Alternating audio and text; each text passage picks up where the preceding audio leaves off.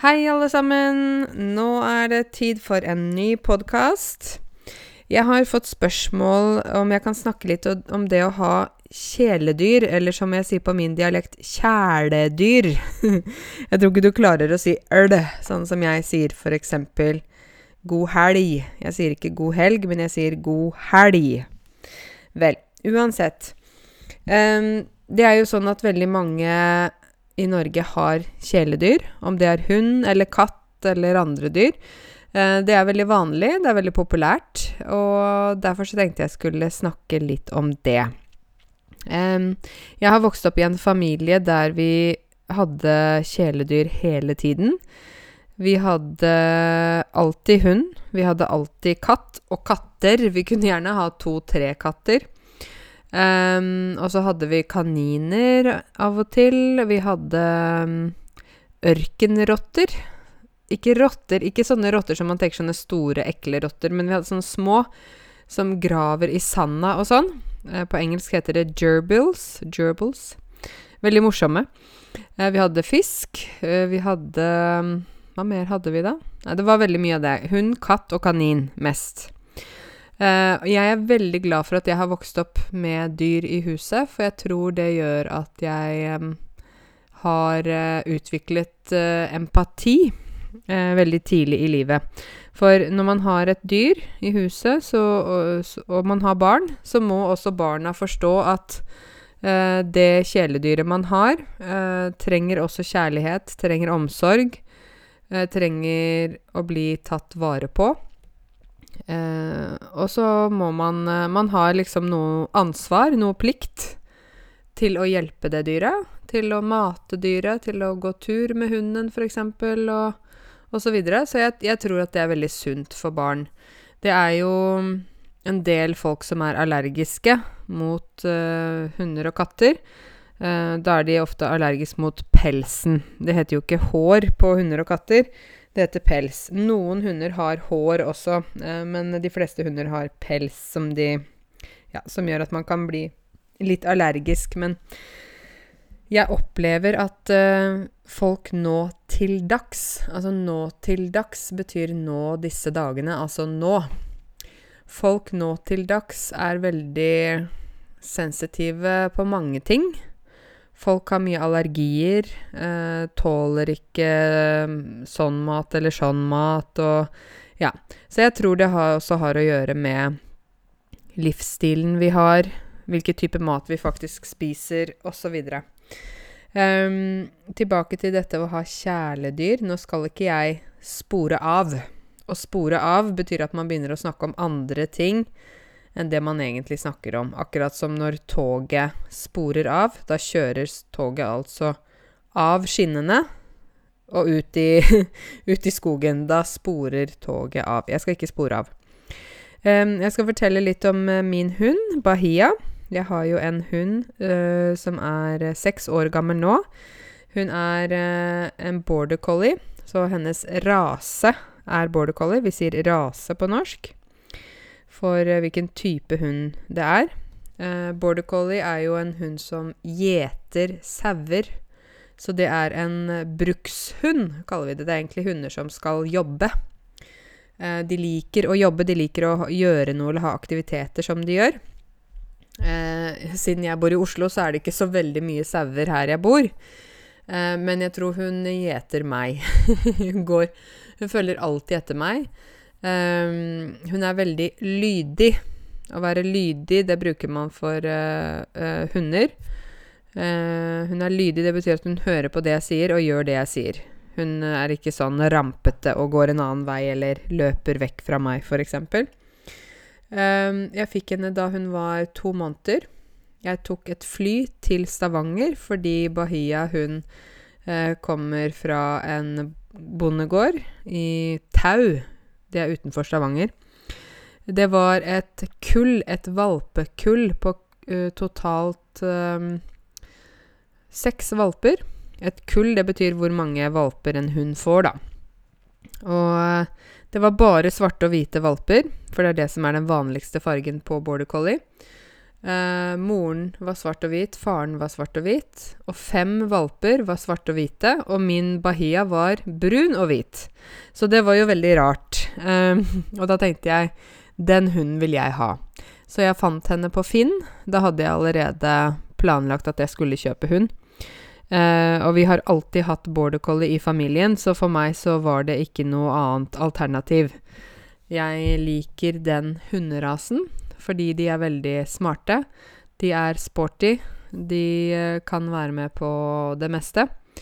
De er sånn passe størrelse, altså Bahia veier 20 kilo, så det er ikke for liten, ikke for stor. Um, ja, så da falt valget på henne. Vi sier at valget falt på sånn eller sånn. Det betyr at man har vurdert forskjellige ting, og så har man bestemt seg. Så valget falt på for eksempel eh, Valget falt på den røde jakka. Da har man vurdert flere jakker, ikke sant? Så valget falt på Bahia. Og så skulle hun få et navn. Hun må jo ha et navn. Og da ville jeg gjerne ha et uh, swahili-navn. Og da drev jeg og lette, prøvde å finne et navn som jeg synes var fint, og som man kan rope. For man må jo rope til dyra, ikke sant? Jeg må, må rope 'Bahia', så kommer hun, ikke sant? Så det sto mellom Lolo, som betyr perle Dere vet perler som man finner i skjell i havet, eller østers. Som når du åpner den, så er det sånn hvit, fin perle inni. Lolo eller Bahia. Bahia betyr vakker, og det er egentlig arabisk. Bahi, bahia betyr vakker, men også på swahili. Så da ble det Bahia, for jeg tenkte det var veldig fint å rope Bahia, ikke sant? Det er lett, å, lett for henne å høre det. Så det ble Bahia, og jeg hentet henne. Vi tok fly tilbake til Oslo. Hun var da fire kilo, så hun var med meg inn på flyet. Hun var veldig søt, veldig liten. Og eh, vi har vært sammen siden. Vi er som eh, familie. I Norge så er det vanlig å ha dyrene inne i huset, så sant man ikke har en bondegård, f.eks. Um, ehm, hunder og katter bor sammen med menneskene, så det er uh, helt vanlig. Bahia, hun har sin egen seng. hun har sin egen dyne. Uh, og hun har sin egen matskål og sine egne leker og sånn. Så hun har det veldig godt, tror jeg. Vi går jo tur hver dag, flere ganger om dagen. Vi går i skogen, vi eh, løper sammen, vi sykler Eller jeg sykler, og hun løper. Jeg går på ski, og hun løper ved siden av meg. Hun er med til venner, hun er, uh, hun er med på alt hun kan være med på. Jeg har også hatt henne med eh, når jeg jobba på forskjellige voksenopplæringer. Hvis vi har hatt sånn utedag. Og da er det mange innvandrere som har vært veldig redd for henne i begynnelsen. Veldig skeptisk. 'Å nei, nei, det er en hund. Å nei, jeg er så redd for hund. Å nei, nei, nei, nei'. Og så etter litt tid så forstår de at hun er snill, og at hun bare egentlig vil leke eller spille med ball eller noe sånt. Og da blir de veldig overrasket. De har kanskje aldri tatt på en hund før, kanskje aldri vært veldig nær en hund. Så de er veldig overrasket. Og jeg syns det er veldig viktig at man også kan se at f.eks. en hund kan være snill. Og her i Norge er det mange hunder. Uh, man kan ikke da gå rundt uh, hver gang man passerer en hund på gata og lage stort drama. 'Å, nei, nei, nei! Å, jeg er redd hund!' For her i Norge har vi hund. Veldig mange har hund. Og man holder jo selvfølgelig hunden i bånd. Uh, noen hunder går også fritt, og da er det ofte at eieren har veldig god kontroll på hunden. Ikke alle, men mange. Eh, Bahia går ikke i bånd, eh, fordi hun går bare med meg. Hun løper ikke bort til andre, hun går ikke til andre steder, hun går bare med meg. Og hvis jeg sier stopp, så stopper hun. Hvis jeg sier sitt, så sitter hun. Så hun er lydig. Um, det er jo noe som heter båndtvang, som er uh, fra I hvert fall her i Oslo fra Jeg husker ikke, er det 20. april eller noe sånt? Til 20. august. Og det er båndtvang. Eh, bånd er jo det vi holder hunden i, ikke sant? Og tvang er jo at man tvinger folk til å holde hunden i bånd.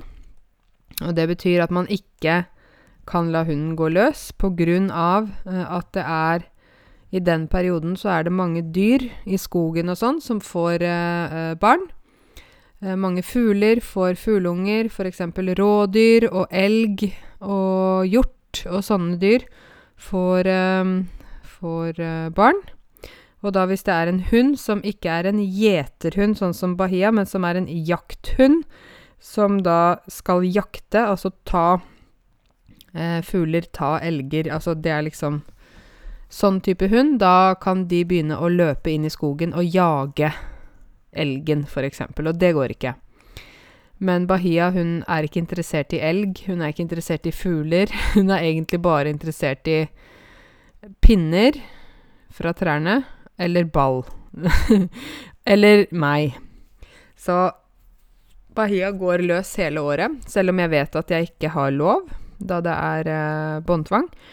Men eh, jeg eh, er litt sta. Å være sta, det betyr at man er sånn Nei, sånn er det. Og jeg er litt sta. Vi sier sta som et esel. Vet du hva esel er? Esel er ikke hest, men det er en ligner på hest. Men det er sånn hvis du sier gå, og den ikke vil gå, så går den ikke. så jeg er litt sta som et esel der. Jeg sier at Bahia er ikke i bånd fordi hun ikke jakter. Fordi hun ikke går til andre folk. Fordi hun ikke er uh, dramatisk. Det hender at jeg får kjeft. Å få kjeft betyr at noen 'Hvorfor? Hvorfor har du ikke hunden din i bånd?' Sånn. Det er sånn kjeft. Eh, men der er jeg ganske sta, og velger å ikke høre det, og gå videre. Det kan hende noen av dere som hører på meg nå, blir irriterte og tenker 'Ja, men Karense, du må jo følge reglene, og tenk hvis folk er redde for hunder og sånn og sånn og sånn'. Jeg vet at mange er redde for hunder, men min hund er ikke interessert i mennesker. Hun er ikke interessert i folk. Hun går ikke bort til folk. Uh, jeg har hatt henne nå i seks år, og hun har aldri gjort det. Hun går bort hvis jeg sier 'gå og hilse', hvis noen vil hilse. Da går hun kanskje, hvis hun vil.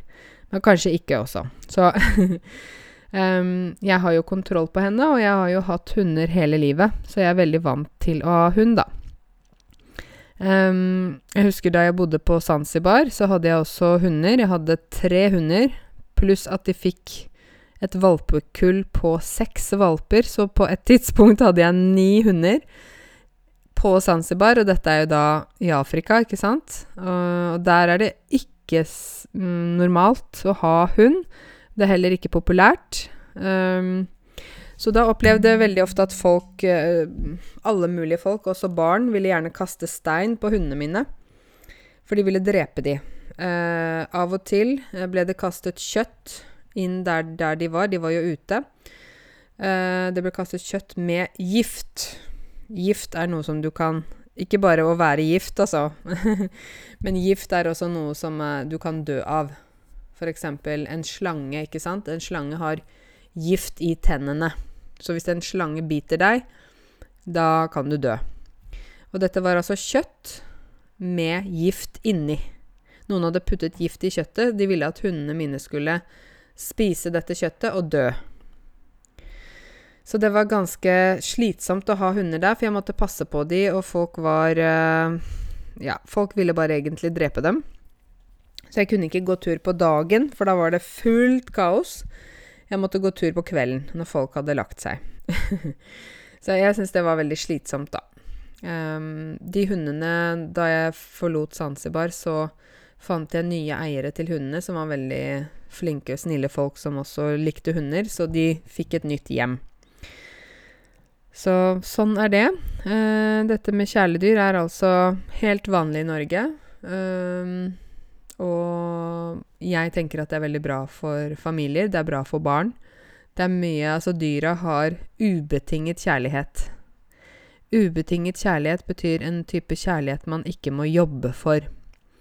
Um, for eksempel i, uh, mellom mor og barn, da, eller mellom i familien, ikke sant, så er det også ubetinget kjærlighet at man for eksempel Jeg elsker min mamma.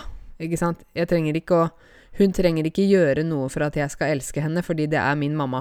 Så det er ubetinget kjærlighet.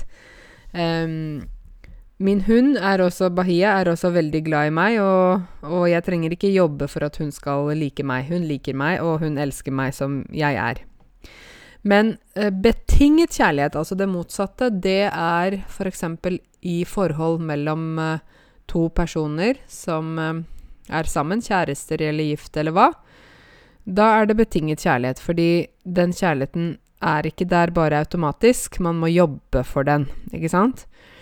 Eh, mann og kone må eh, jobbe for at forholdet og kjærligheten fortsatt skal være i live. Eh, og da kan man ikke bare leve og ikke jobbe, ikke gjøre noe sånn at man prøver å holde kjærligheten oppe, og bare liksom være sånn eh, ikke, ikke si noe hyggelig, ikke gjøre noe hyggelig mot hverandre. Man må jo gjøre det. For hvis man glemmer kjærligheten, så, så vil kjærligheten dø ut. At noe dør ut, det betyr at det blir totalt borte. Eksempel dinosaurer, dinosauruser.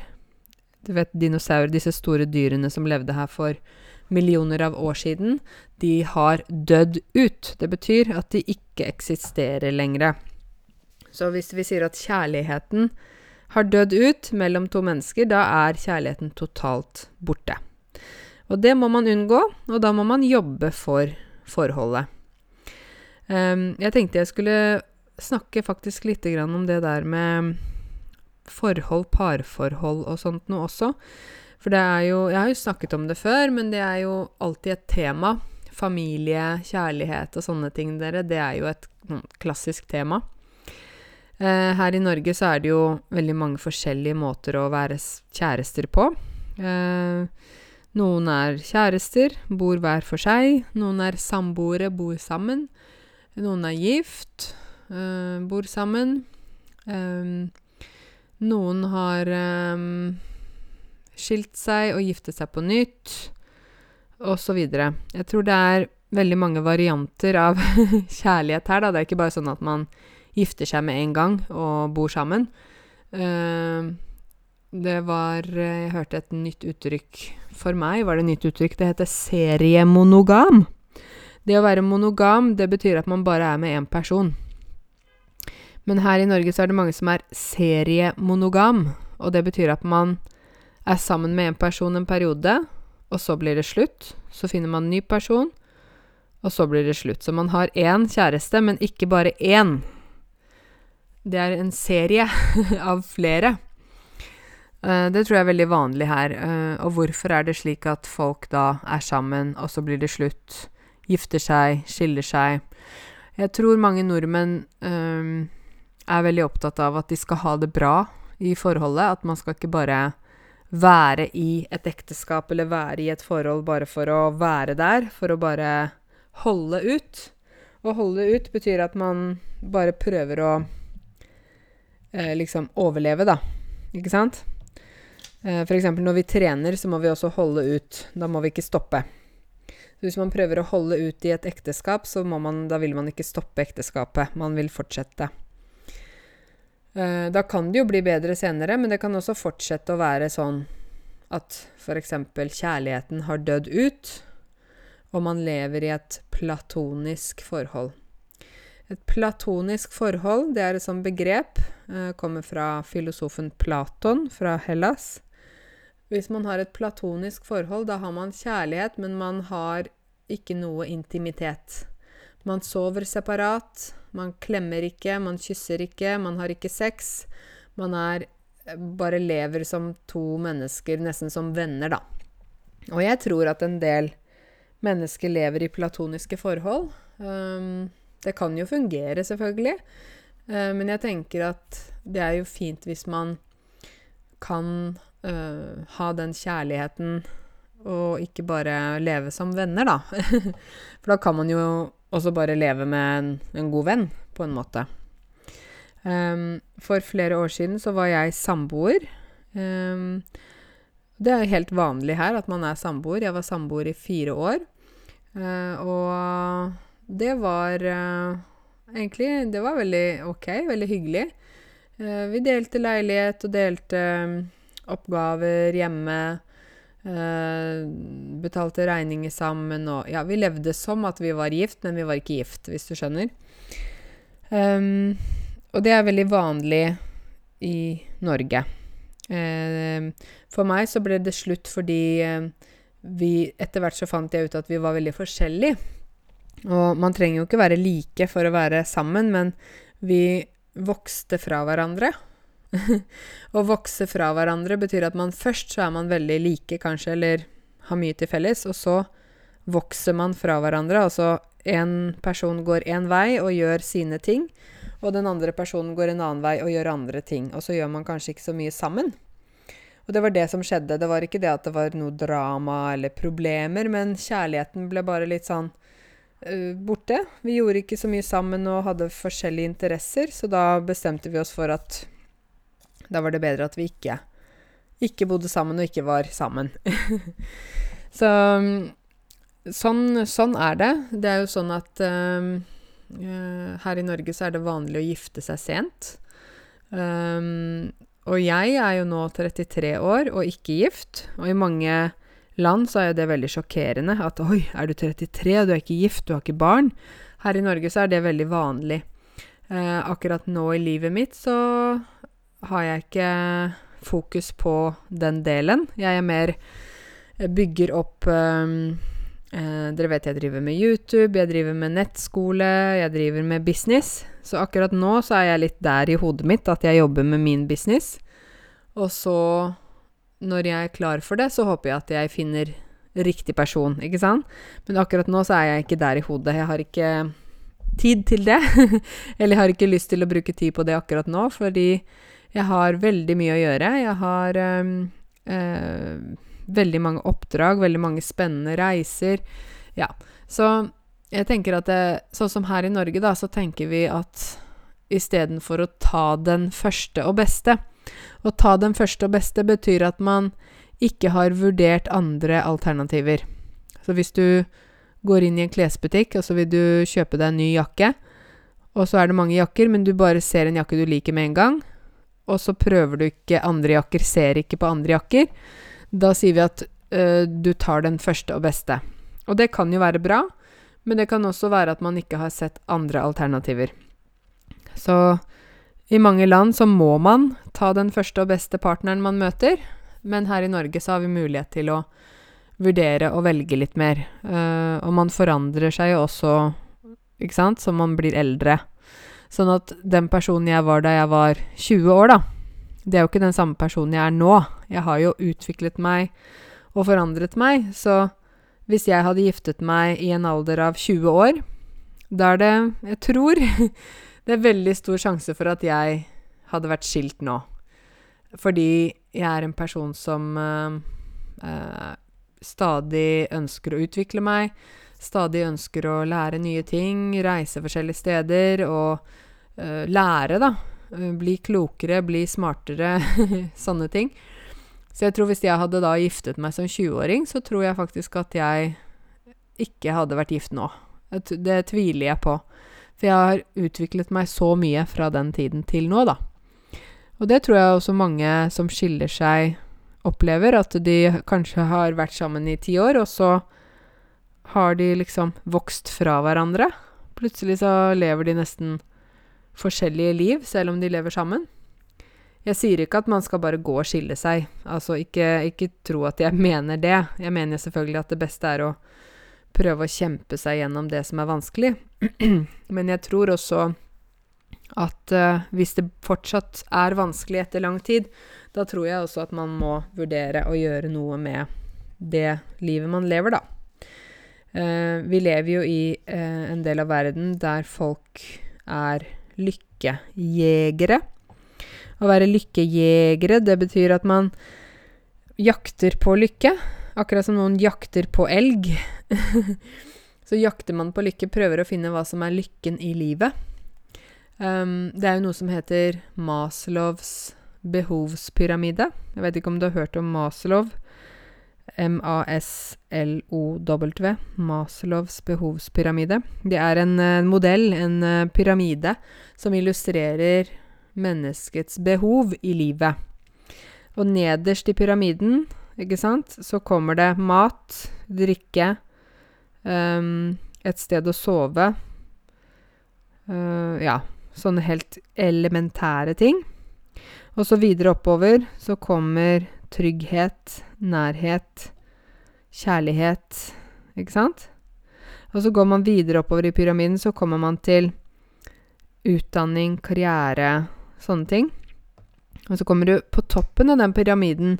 Der er det selvrealisering. Og hva er selvrealisering? Selvrealisering betyr at man følger sine egne drømmer. Altså man har drømmer i livet som man ønsker å oppnå. Og ønsker å gjøre noe med. Ikke sant? Um, og det er jo fint å ha drømmer. Man skal alltid drømme. Jeg, jeg sier alltid 'drøm stort', ikke sant? Ha drømmer. Det er viktig å ha drømmer, men uh, man må jo også på en måte en gang være fornøyd. Man kan ikke alltid bare søke, søke, søke etter mer, bedre øh, Kanskje det er bedre med denne mannen, kanskje det er bedre med denne jobben, kanskje jeg skal bytte hus, skal jeg bytte bil, skal jeg farge håret, bytte farge på Skjønner du? Noen ganger så må man også være takknemlig og fornøyd. Og det tror jeg en del nordmenn kanskje glemmer. Fordi at vi bor i et land der vi hele tiden kan være lykkejegere. Vi kan Altså, vi har på, på bunnen av den pyramiden, Maslows behovspyramide, jeg sier det igjen, så er det jo da ikke sant, mat, vann, klær, tak over hodet. Og alt det der har vi i Norge. Videre så er det trygghet, fred, demokrati. Det har vi i Norge. Videre så er det utdanning, karriere, jobb. Vi har også gratis utdanning i Norge. Så det er liksom sånn at vi vi har veldig mange grunnleggende behov dekket. Så hva skal vi da gjøre når alt det er på plass? Da begynner folk å lete etter lykken. Men jeg, vi sier jo sånn at gresset er ikke alltid grønnere på den andre siden, ikke sant? Så hvis jeg tror at eh, ok, ved å bytte denne jobben, da vil jeg bli mer lykkelig, så er det ikke sikkert det er slik. Jeg har jo ingen garanti for hva som venter meg på den andre siden hvis jeg velger å avslutte den jobben jeg har, f.eks. Så av og til så må man rett og slett bare være fornøyd. det tror jeg er ganske viktig. Um, jeg vet ikke hvordan det er med dere og vennskap. Uh, har dere gode venner? Det tenker jeg veldig ofte på den verdien av å ha gode venner, da. Om det er venner som bor her i Norge, eller om det er venner som bor i andre land så tror jeg det er veldig viktig å ha i hvert fall én eller to gode venner i livet som man setter pris på, og som er viktig for en.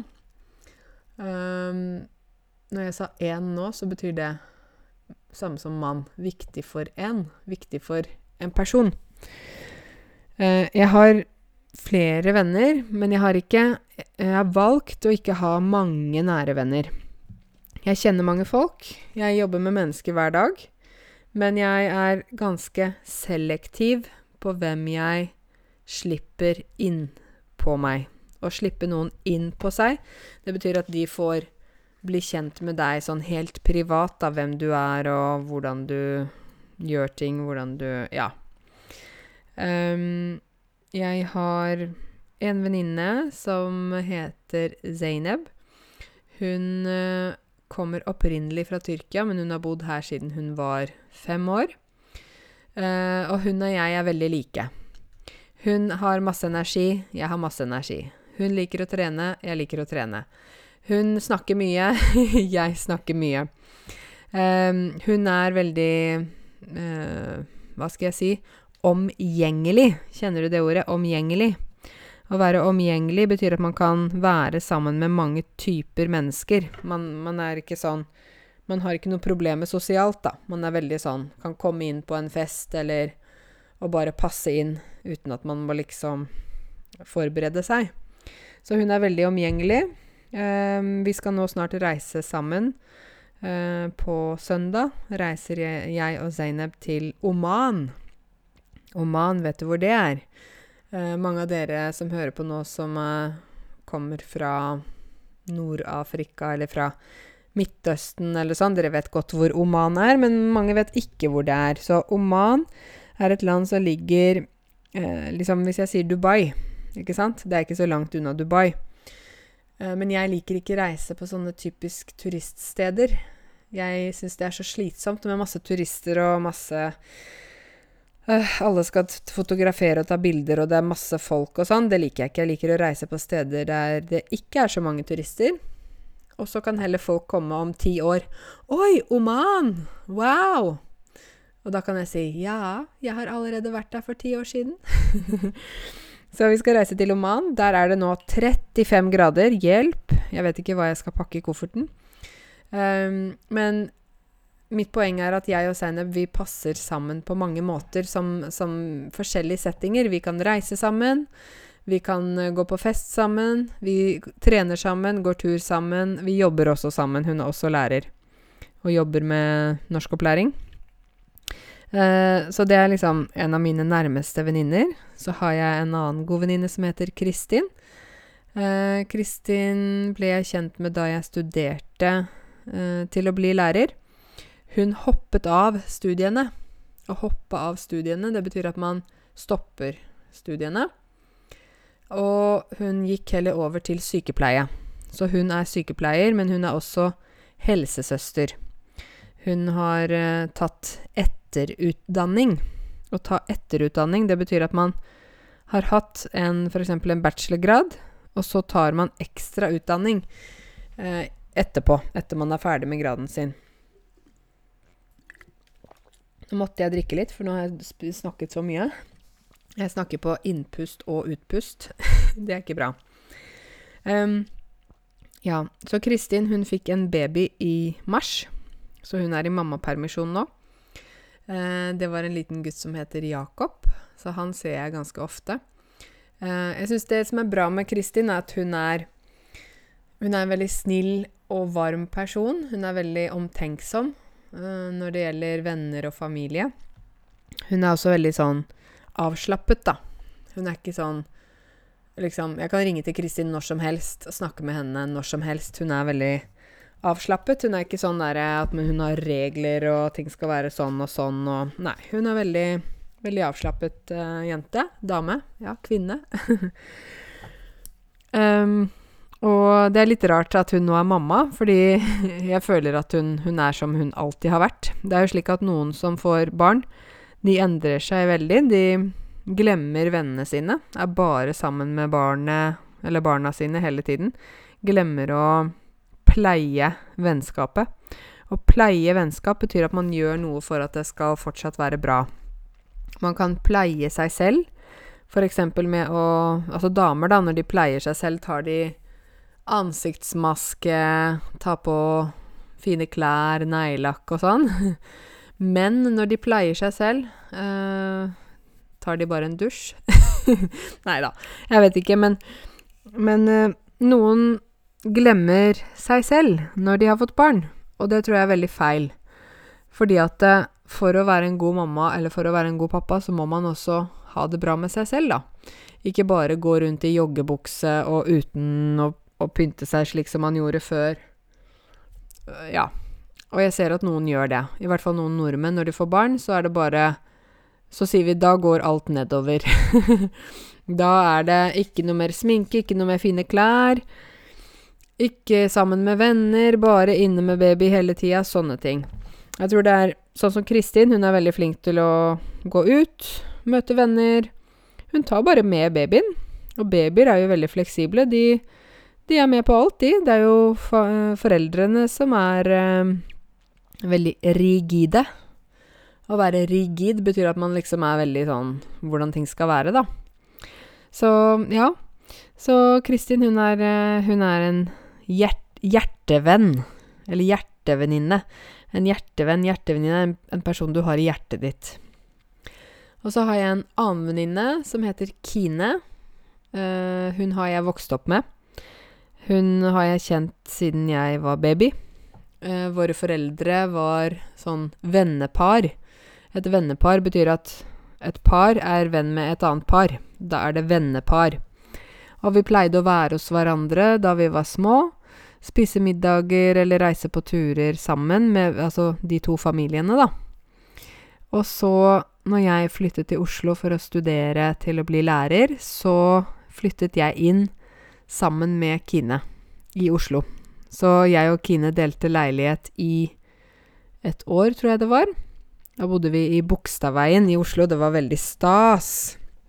At noe er stas, det betyr at det er å, veldig spennende, eller wow, det er veldig stort. For Bogstadveien er jo en sånn type shoppinggate, da. Så vi var sånn Vi kom jo fra landet. Jeg kom jo rett fra Canada. Og så kom vi til shoppinggata i Oslo. Der bodde vi! Wow! så det var veldig stas. Men sånn som Kine ser jeg ikke så ofte. Snakker ikke så ofte med henne. Men hun er, eh, hun er en sånn venninne som alltid er der. Så når vi møtes, så er det samme som vi møttes i går. Og det er sånne venner som er gode venner, tenker jeg, da. Man trenger jo ikke være sammen hele tiden, men man, man har en uh, link. Kanskje det er ubetinget kjærlighet. Noen vennskap er jo sånn at man alltid er venner, men jeg tror det er uansett det er viktig å pleie vennskapet og gjøre noen ting sammen og møtes og sånne ting. Ikke glemme vennene sine. Samtidig som det er viktig å pleie forholdet, ikke sant. At man også hvis man er gift eller kjærester, at man må også gjøre noen ting for at kjærligheten skal holdes oppe, da. Jeg vet ikke hvordan det er med deg og, og venner. Nå har jeg fortalt om tre av mine nærme venninner. Jeg har mange flere også. Jeg skal ikke fortelle om alle de. Men jeg har ikke så mange nære, og det har jeg valgt selv. Fordi jeg tror at hvis man har veldig mange som man har veldig nær seg, så blir det for mye. Og man uh, kan utlevere seg selv til for mange mennesker. Og utlevere seg selv betyr at man forteller all informasjon om seg selv til andre. Da utleverer man seg selv. Og det er ikke så veldig smart, ikke sant? Man må være forsiktig med hvem man forteller ting til. Um, så jeg har mange venninner, mange venner, men det er ikke så mange av de som kommer inn i min private uh, Hva skal jeg si? I min private sfære, heter det. S-sfære. Det er litt rart ord. I, inntil meg helt privat, da. Vi kan være venner, vi kan gå og spise, eh, gå på kafé osv., men det betyr ikke at vi er så nære venner. Men jeg håper at du i hvert fall har én nær venn. Det tror jeg vi alle trenger. Eh, jeg må bare anbefale det litt. Forrige lørdag så var jeg på en eh, konsert i Drammen med et marokkansk-fransk band. det het uh, Gabacho Maroc. Gabacho Maroc. Det var altså marokkansk musikk blandet med jazz, blandet med fransk musikk. Så det var sånn fusion-musikk. Fusion, det betyr når vi blander noe til en miks. Så det kan jeg anbefale dere å, å høre på noe av deres musikk. Gabacho Maroc. Eh, veldig, veldig spennende musikk. Jeg er glad i jazz. Um, jeg klarer ikke danse til jazz. Det syns jeg blir vanskelig. jeg er veldig glad i å danse, men akkurat å danse til jazz, det blir litt sånn vanskelig. Men jeg liker å uh, høre på jazz når jeg jobber. Når jeg skal konsentrere meg, og at jeg må ha fokus, da liker jeg å høre på jazz. Fordi jazz er forskjellig melodi, forskjellige instrumenter. Det er ikke én vei, det er forskjellige toner og sånn. Så når jeg hører på jazz, da um, klarer jeg å holde fokus, fordi det er ikke en sang, eksempel, at jeg begynner å tenke. Det er ikke en melodi som gjør meg trøtt. Det er bare sånn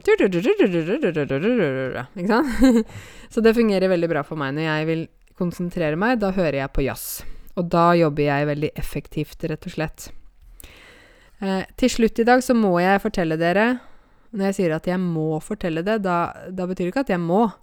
Men det betyr at jeg virkelig ønsker å si, si noe. Så hvis noen sier til deg 'Du, jeg må fortelle deg noe', da betyr det ikke at de må, men at de virkelig ønsker å si noe. Så jeg må fortelle dere om uh, forrige mandag, mandag 17. september.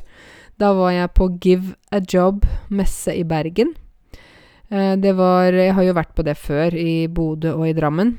Eh, da er det næringslivet, altså bedrifter, som har kommet, og mange innvandrere som trenger jobb. Og så har vi lunsj, og så har vi jobbmesse, der innvandrerne kan gå og levere sin CV til disse bedriftene. Og så har vi middag på kvelden med underholdning osv. Så, videre. så vi fikk lov til å låne gymsalen på Universitetet i Bergen.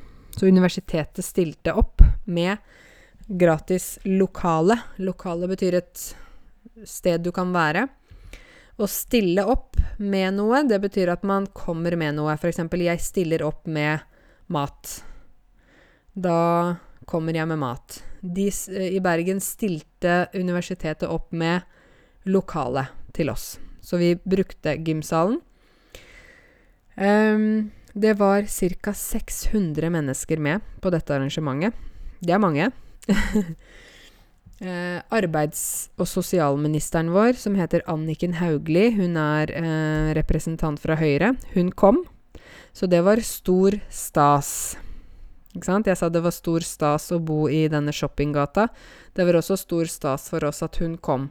For det betyr at uh, dette blir lagt merke til i regjeringen. Det er ikke bare noe som vi gjør for å prøve å få folk til å få jobb. Det er faktisk noe som blir satt pris på av øh, folk som sitter høyt oppe i systemet.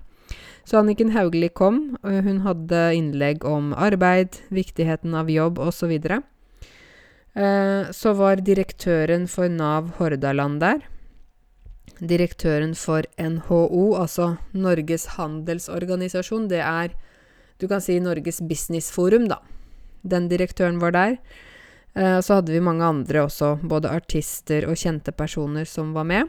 Uh, jeg møtte mange av uh, mine følgere der. det var litt komisk, da, fordi altså, vi nordmenn vet jo veldig godt hvem Anniken Hauglie er. Kanskje du ikke vet hvem det er, ikke sant? Vi vet hvem Arne Hjeltnes er, som også var en av de programlederne. Alle vet hvem han er. vi vet hvem Kari Birkeland er, som har jobbet i TV 2. Men øh, mange av innvandrerne visste ikke hvem disse var, men de visste hvem jeg var. så jeg gikk bare ut i ti minutter, og så kom jeg tilbake, sånn jeg bare tok litt frisk luft. Og så kom jeg tilbake, så sier hun Kari Birkeland, som da er en kjent eh, TV-programvertinne, altså hun er kjent TV-ansikt. Hun sa Karense, øh, de vet ikke hvem kjente personer er her. De vet ikke hvem Anniken Hauglie er, disse innvandrerne, men de lurer på hvor du er. Så jeg har fått så mange spørsmål mens du var borte nå. Hvor er Karense, hvor er Karense? så jeg har faktisk fått en idé til at jeg tror jeg må lage en, noen videoer om kjente norske personer. Fordi, kjære dere Kjære dere, det er litt rart å si, men det mener jeg. Altså, dere alle sammen. Kjære alle sammen. Det er enkelte personer dere må vite hvem er, ikke sant? Um, eh, kjente personer som alle norske vet om, må dere også vite om. Da jeg var i Bodø, så var det en artist som alle norske vet om, som heter Halvdan Sivertsen. Um, så tok jeg bilde med han, og så kommer det noen uh, damer bort. De var uh, Det var to damer, tror jeg, innvandrere. Og så sa de til Halvdan Så tok de Halvdan Sivertsen og bare dytta han bort. Og så sa de 'Vi skal ta bilde med lærer Karense'. og Halvdan Sivertsen er altså en, en, person som alle vet hvem er. Det er nesten som å dytte presidenten bort. Skjønner du? og jeg var helt Oi, herregud, hva gjorde de nå? De bare fysisk bare dytta han bort, for de skulle ta bilde med meg. Men de vet ikke hvem de dytta bort, skjønner du? Skjønner du? Skjønner dere? Så er, jeg tror det er viktig å vite noen sånne kjente norske navn. Så jeg tror jammen jeg må lage en video om det. Um, dagen etterpå, etter det arrangementet, uh, så uh, var, det litt sånn antiklimaks. Det betyr at man er helt på toppen, og så går man helt ned. Jeg hadde jo stått og snakket foran disse 600 menneskene, så det er jo Det er den største klassen jeg noen gang har undervist. Det må jeg bare si. Jeg har hatt store klasser, men ingen klasse på, ingen klasse på 600 mennesker. Um, Da uh, kom jeg i kontakt med rektoren for um, Nygård skole i Bergen, som er rektor på den største voksenopplæringen der, og spurte henne om de var interessert i at jeg kom innom. Å komme innom betyr at man ikke har egentlig en plan om å komme, men man bare kommer litt sånn spontant. Og hun sa ja, hun var veldig sporty. Å være sporty betyr at man liksom kan øh, være fleksibel og snu seg rundt på noe som kanskje ikke var i planen. Ja, sa hun, det kan jeg. Så hun øh, åpna døra for meg. Jeg fikk hilse på mange av mine følgere. Mange som studerer norsk. Så var jeg inne i mange av klassene. Det var veldig hyggelig. Vi tok litt bilder, jeg snakket litt om YouTube osv. Så, videre. så det syns jeg var utrolig hyggelig. Jeg syns det er så hyggelig å møte dere som følger meg, altså dere som uh, ser på YouTube og alt dette her, fordi jeg vet jo ikke hvem dere er, ikke sant? Jeg bare ser at det er så og så mange personer som har sett video eller sånn, men jeg vet ikke hvem, og Så jeg setter pris på at folk f.eks. hvis de ser meg i Oslo, da eh, Hvis du ser meg et eller annet sted, så syns jeg det er veldig hyggelig hvis noen kommer bort og sier 'hei', jeg heter sånn og sånn, og ja. Jeg syns det er så hyggelig å bli kjent med dere. Så ikke vær redd for å komme bort til meg hvis du ser meg. Um, jeg syns bare det er veldig hyggelig. Det er stas for meg. Dere, nå har jeg snakka og snakka. I morgen skal jeg holde kurs for 33 lærere. Så jeg må nok gå og legge meg nå. jeg må være opplagt til i morgen. Å være opplagt Jeg må bare forklare det også. Å være opplagt betyr at man har sovet godt og er klar for dagen. Hvis man er uopplagt, da er man veldig trøtt og er ukonsentrert. Så 33 lærere. Da må jeg være opplagt, ikke sant? Så da sier jeg tusen takk for at du hørte på min podkast, og vi høres snart igjen. OK? Ha det bra.